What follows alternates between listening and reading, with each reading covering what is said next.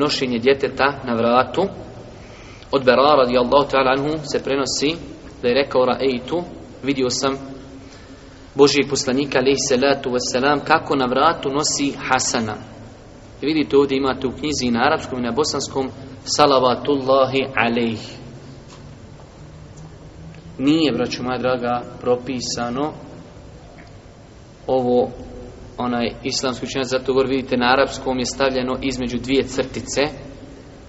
da se donosi salavat na unuke Božijeg poslanika i to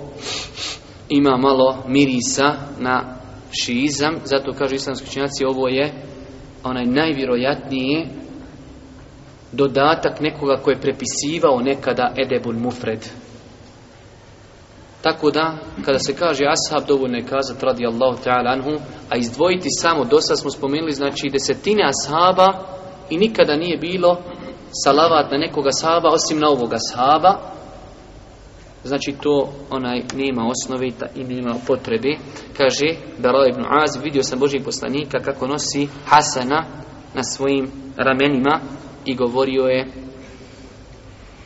na svome vratu, na svojim ramenima, govorio je gospodaru, ja ga uistinu volim, pa ga i ti zavoli. Či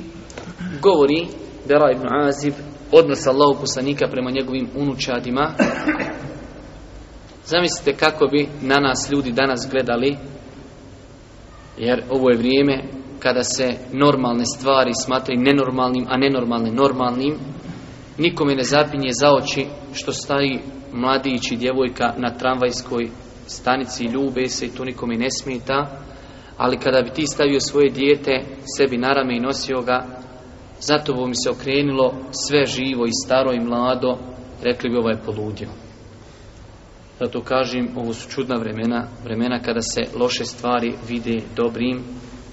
a dobre vide lošim. I ono što kaže danas Efendija, naš muderis zaista ima mjesta i mi ćemo govoriti o tom i svakako dijete odrasta ne jede i ne hrani se mlijekom svoje majke sutra kad odraste normalno kroz njega, kroz njegovo tijelo ne teče njeno mlijeko zato se nerijetko dešava slomio majku udario mater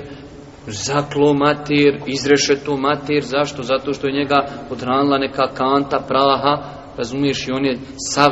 više liči na kantu i na željezo i na insana koji nema nikakve duše zato što u njemu ono mlijeko ko kreć više liči na kreć nego na insana znači i to je braćo moja draga postala nažalost kažemo normalna stvar kao i mnoge druge tako da kažemo odnos Allahu poslanika prema njegovoj djeci prema njegovim potomcima jeste bio i taj da je nosio svoju djecu na ramenima da je svoju djecu držao u naručju namazu, svoju unuku je držao u namazu, farz namaz predvodio ljudima držući svoju unuku u naručju, kada bi ošao na ruku, spustio bi je, pa kada bi se vraćao, opet bi uzeo, kada bi ošao na seždu, opet bi je spustio i tako četiri puta, četiri rekiata. Kod nas, kad imam dovede kćerku i ona fino, uljudno sjedi pored njega, opet poslije namaza neko se onaj javi nezadovoljan tim postupkom, a zamislite da kako bi bilo da je tog imama njegova čerka baš bukvalno zajahala i sjela na njega i da je on zbog toga odužio seždu ko što je odužio Božji poslanik. Znači, samo ta ima može zamisliti kako bi prošao a vidimo kakve su znači relacije odnos Božih poslanika ali se ratu nam Normalno ovdje treba naglasiti jednu stvar koja se vezuje za Ehlul Bejt, porodcu Božih poslanika koji svakako pripadaju Hasan i Husein da mi obožajemo Allaha voleći njih i nemoj da vas slučajno neko hajde da kažemo zavara da mi ne dajemo pravo porodci Allahog poslanika ono koje oni zaslužuju ako iko daje pravo njima ono koji zaslužuju onda je to stav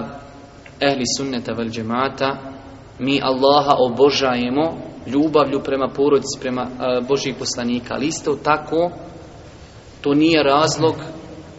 da odemo u krajnost pa da smatramo da su ostali ashabi murtedi i da ostali treba proklinjati ili da su oni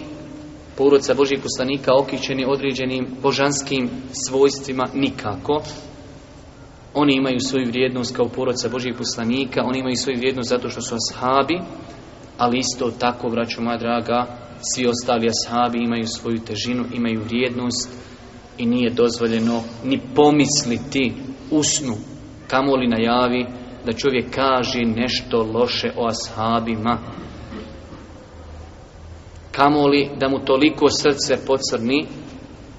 pa da je spreman pustiti svoj jezik da proklinje najveličanstvenije i najodabranije sinove ovog ummeta Ebu Bekra i Omera.